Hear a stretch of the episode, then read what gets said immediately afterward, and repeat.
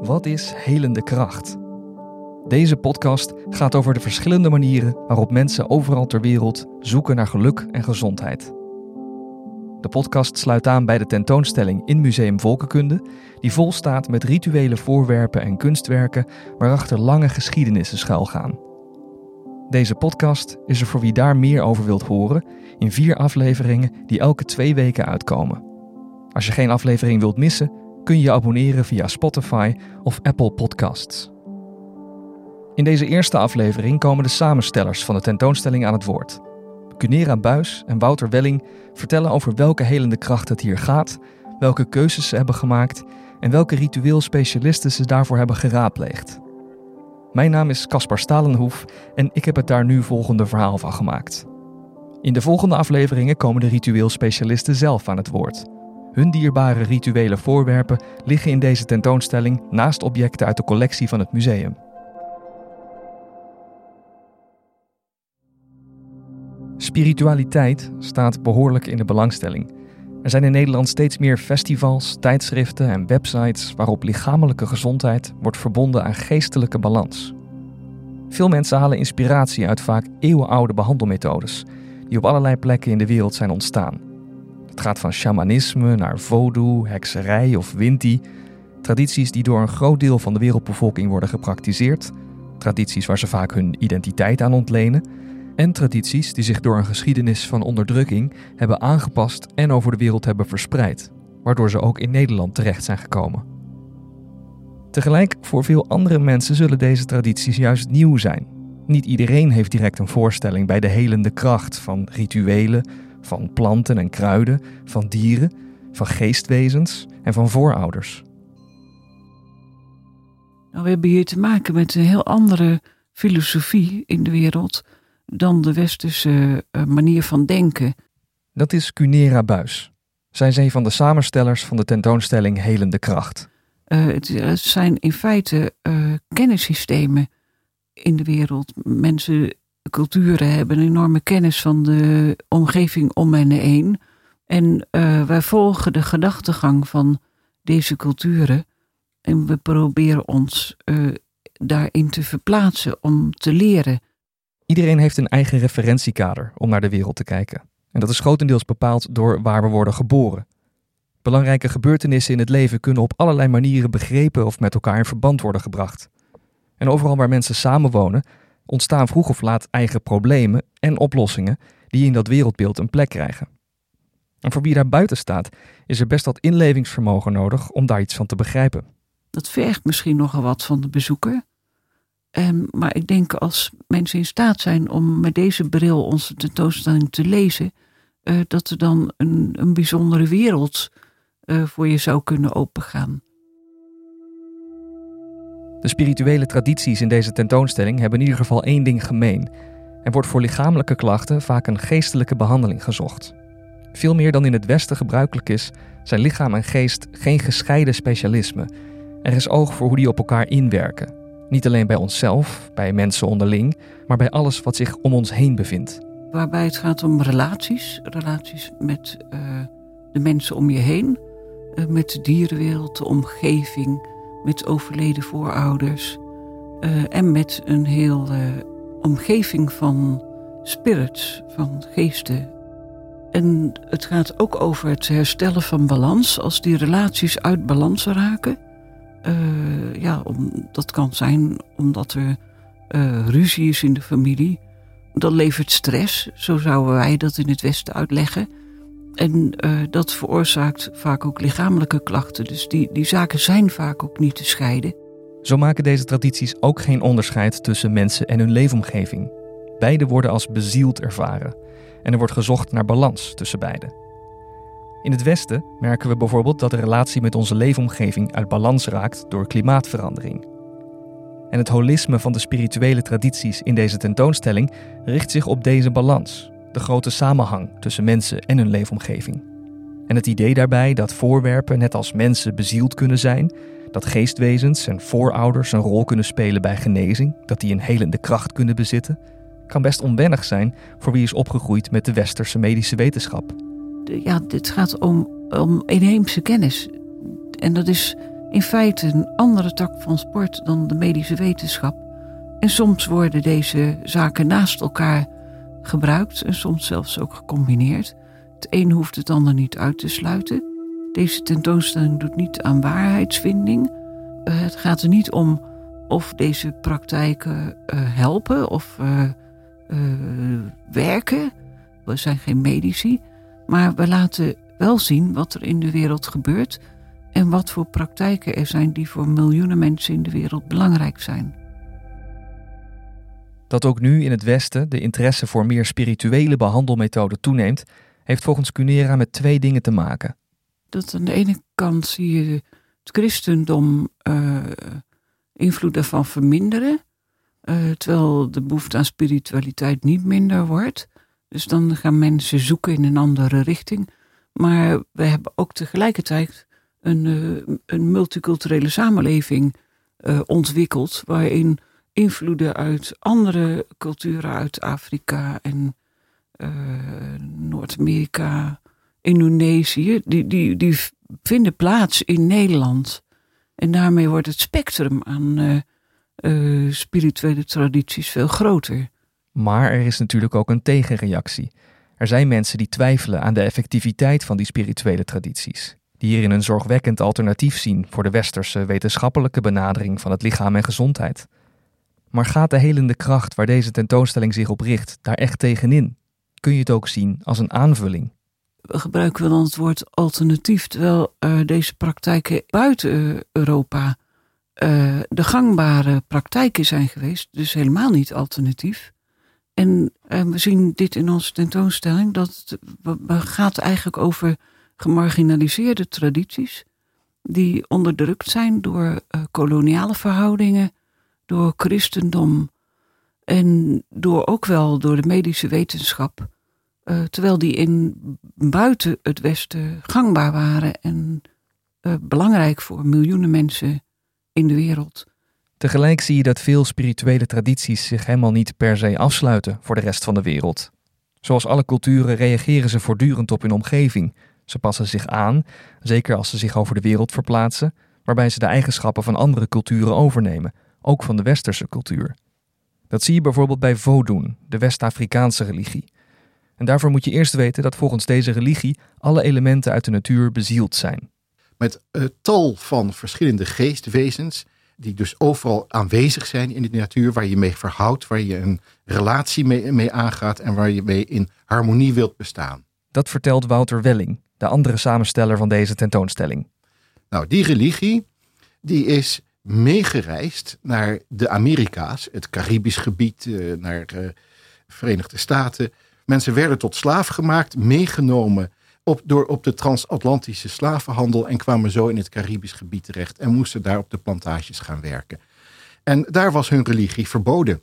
Want dat was duivelsaanbidderij, uh, dat was af, afgodendienst en wat voor, wat die voor termen meer zijn. En daar hielden de plantage-eigenaren niet van. Dus die vonden dat die mensen ook natuurlijk katholiek moesten worden. Daar hebben de tot slaafgemaakten een oplossing voor gevonden. Ze hebben namelijk elementen uit van katholieke heiligen, typisch uh, christelijke elementen, zich toegeëigend en als camouflage gebruikt om hun eigen geestwezens uh, vorm mee te geven. Dus een hele flexibele opstelling van geest om uh, je religie want dat is het enige wat met je meereist. Je kunt geen materiële bezittingen meenemen. Om je religie in, in die uh, gevangenschap een nieuw leven te geven. En dat is natuurlijk ook gebeurd op uh, Haiti. En dat is de meest bekende uh, variant geworden van deze West-Afrikaanse religie. Een van de vele diaspora-religies. En dat is bekend bij het brede publiek als voodoo. We spreken het eigenlijk in, het, in, de, in, de, in de vakliteratuur meer vaudou. En uh, Vodou is, is de religie geworden van Haiti. Je kunt eigenlijk zeggen dat uh, op Haiti zo'n 80% van de mensen katholiek zijn en 100% Vodouisant. Dat gaat blijkbaar prima samen. Dat het katholicisme en Vodou meer op elkaar lijken dan je zou denken, wordt duidelijk als je in de tentoonstelling naar een Maria-beeld kijkt, of wat daar tenminste op lijkt. Alleen in dit geval gaat het nou over Erzulie, de godin Erzulie uit het Vodou-pantheon. En daar, daar kan men natuurlijk zich toe wenden en ook uh, met gebeden en met offers. Maar dat gebeurt dus ook nog steeds in Nederland. Want ook katholieke heiligen, die worden nog steeds hele te dagen ingezet. Of nou ja, ingezet, gebruikt. Uh, men richt zich tot die heiligen bij bijvoorbeeld het uh, zoeken van genezing. of, of ook als er dingen zoek zijn, dan, dan zijn er ook weer heiligen waar je kan vragen om hulp. Dus dat hele idee van het, de, een spirit world is bepaald niet alleen maar buiten Europees. Daarom is het leuk dat aan het begin van de tentoonstelling het perspectief wordt omgedraaid. Een buiten-Europese blik op de Europese traditie van geestelijke gezondheid. Wouter ziet een ironische knipoog in het werk van Sokari Douglas Camp. Sokari Douglas Camp is een kunstenares afkomstig uit Nigeria. Daar is ze geboren. Ze heeft haar opleiding in uh, Londen gehad en daar woont en werkt ze ook. Ze heeft een beeld gemaakt van Sigmund Freud, die in de klassieke pose zit naast de sofa waarop zijn cliënt ligt. En dan is het natuurlijk de bedoeling dat de cliënt vertelt wat hem allemaal mankeert. En Freud gaat dat eh, interpreteren en zegt wat voor seksuele problematiek daar aan ten grondslag ligt. Want in zijn geval was het vaak in die richting. Um, en dat vond zij zo'n raar beeld, zo'n heel vreemd uh, westers idee dat je eindeloos pratend en pratend en pratend uh, een probleem zou kunnen oplossen. Eigenlijk had ze het idee van die zitten gewoon uh, helemaal door te draaien. En dat doordraaien maakt Kemp letterlijk zichtbaar in dit beeld. Op gezette tijden draait zowel de patiënt als Freud helemaal om met het meubilair erbij maakt natuurlijk wel enig geraas. En dan is het, ja, dat is haar visie op de, om, de, het, het, westerse idee van met, met eindeloos praten los je je problemen In een Afrikaanse context zou je daar op een heel andere manier mee omgaan. Um, daar zal je eerder gaan proberen om een balans te herstellen uh, met, met rituelen. Kortom, we hebben allemaal vergelijkbare problemen en gaan daar soms op even wonderlijke manieren mee om. Een ander voorbeeld uit de tentoonstelling laat zien hoe verschillende culturen, zeker op het gebied van geneeskunde, elkaar kunnen aanvullen. Het zijn foto's uit de jaren 40 van Richard Evans Schultes. Die reisde eh, naar de jungle van het Amazonegebied voor een uh, medisch bedrijf in de Verenigde Staten om uh, als botanicus de jungle van het Amazonegebied in kaart te brengen. Hij heeft meer dan 2500 planten gedocumenteerd, maar hij verdween in het oerwoud. Hij is twaalf jaar zoek geweest en men dacht eigenlijk dat hij overleden was in de jungle, maar dat bleek niet het geval te zijn. En uh, hij heeft foto's gemaakt die te zien zijn in onze tentoonstelling bij Amazone-volkeren. Uh, en uh, hij heeft met deze mensen geleefd en heel veel kennis van hun opgedaan. En inderdaad, hij is later directeur geworden van het Botanisch Museum in Washington. En daar zie je die combinatie, dat, dat, er, dat mensen over en weer uh, van elkaar kunnen leren. Wetenschappers kunnen van deze inheemse kennis, noemen we ook wel indigenous knowledge, die kunnen daarvan leren en andersom ook. en in de wereld worden die healing methoden vaak gecombineerd ook in andere delen in de wereld is het niet zo dat mensen helemaal niet naar het ziekenhuis gaan. Maar die combineren dat vaak toch ook met lokale genezers. En dat doen we in Nederland eigenlijk ook. Dat mensen van elkaar kunnen leren, daarvan is ook deze tentoonstelling zelf een goed voorbeeld. Want Cunera's eigen specialisme beslaat de verschillende Noordpoolvolken in Canada, Groenland en Siberië. Wouter is kunsthistoricus dus om nog meer ervaringsdeskundigen in huis te halen, organiseerde het museum voor de invulling van deze tentoonstelling een expert meeting. En daarin uh, zijn we geholpen door een heel team aan ritueel specialisten, wetenschappers en kunstenaars. En een aantal van hen zijn gevraagd ook om hun stem te laten horen in de tentoonstellingen. Met het idee dat wij uh, in Museum Volkenkunde tentoonstellingen maken, niet alleen over mensen, maar met hen. En dat noemen wij meerstemmigheid. En onze hele tentoonstelling is op die manier gemaakt. Dus de bezoeker wordt uitgenodigd om hun filosofie en gedachtegang te volgen. En uiteindelijk om een eigen mening te vormen over deze genezingspraktijken. In de volgende afleveringen van deze podcast komen deze ritueelspecialisten ook uitgebreid aan het woord. Dat is onder andere Kobi Rijkers, eh, zij is een heks uit Brabant. En Petra Nelstein is van Suriname afkomstig. Ze woont in Nederland. En zij heeft Indiaanse roots. En zij ehm, eh, gaat terug op het cultureel erfgoed van Indianen in Suriname. Een andere ritueel specialist is Marian Markelo. Marian Markelo is uh, Surinaams. Hè. Ze is ja. uh, Obiman, een Winti-priesteres. Wij, wij uh, vieren in het Afrika Museum ieder jaar met Katie Coty het, het, einde van de slavernijperiode. En daar zijn dan ook dansen bij. En daar is Marian Markelo ook wel eens bij aanwezig geweest. Dan heb ik ook wel gezien dat er mensen in trance konden raken door dat dansen. En dan ging zij eventjes langs en raakte ze aan en dan werden ze weer helemaal rustig. Hmm. Het is een hele sterke persoonlijkheid die buitengewoon veel weet van Winti. En eigenlijk een vraagbaak is op dat gebied. Zo verzamelde het museum steeds meer mensen om zich heen die de tradities vertegenwoordigen waarover in de tentoonstelling wordt gesproken. Je realiseert je als bezoeker misschien niet hoe bijzonder het is dat je in de korte tijd van een museumbezoek langs zoveel objecten kan lopen die voor zoveel mensen erachter zo'n grote rol in hun leven spelen. Dat merkte Cunera ook toen ze voor deze tentoonstelling geneesmiddelen uit Siberië wilde tentoonstellen, die in 1898 in het bezit van het museum zijn gekomen. En, maar die zaten sinds die tijd al ingepakt in kleine papiertjes. Dus we hebben nooit kunnen zien wat er in die papiertjes zit. Die mochten van onze restauratoren uitpakken voor de tentoonstelling. En toen uh, zei Daan van Kampenhout, die zich verdiept heeft in uh, Siberisch shamanisme, die zei: Nou, er kunnen wel nog krachten aan zitten. Dus misschien goed om daar een klein ritueel bij te doen. En dat heeft hij voor ons willen doen, omdat er in Nederland nou eenmaal niet iemand woont die uit deze cultuur zelf komt. Het was mooier geweest, beter, passender geweest, maar die is er niet. Dus dat heeft hij gedaan. Hij heeft uh, een beetje gezongen voor ze en de, die objecten toegesproken. En uh, ja, het zijn hele kleine huiselijke rituelen eigenlijk, die, die ook in Siberië gebeuren. De kracht die van voorwerpen uitgaat is natuurlijk ook het terrein van veel kunstenaars, die met hun werk een effect willen oproepen bij de toeschouwers. Dat geldt zeker voor Marina Abramovic. Wouter vertelt over haar bezoek aan het Pitt Rivers Museum in Oxford. En nou ja, dat staat chockvol met, met allerlei veelal magische objecten. Niet, lang niet altijd, maar er zit er heel veel bij. Ook van Europese hekserij trouwens.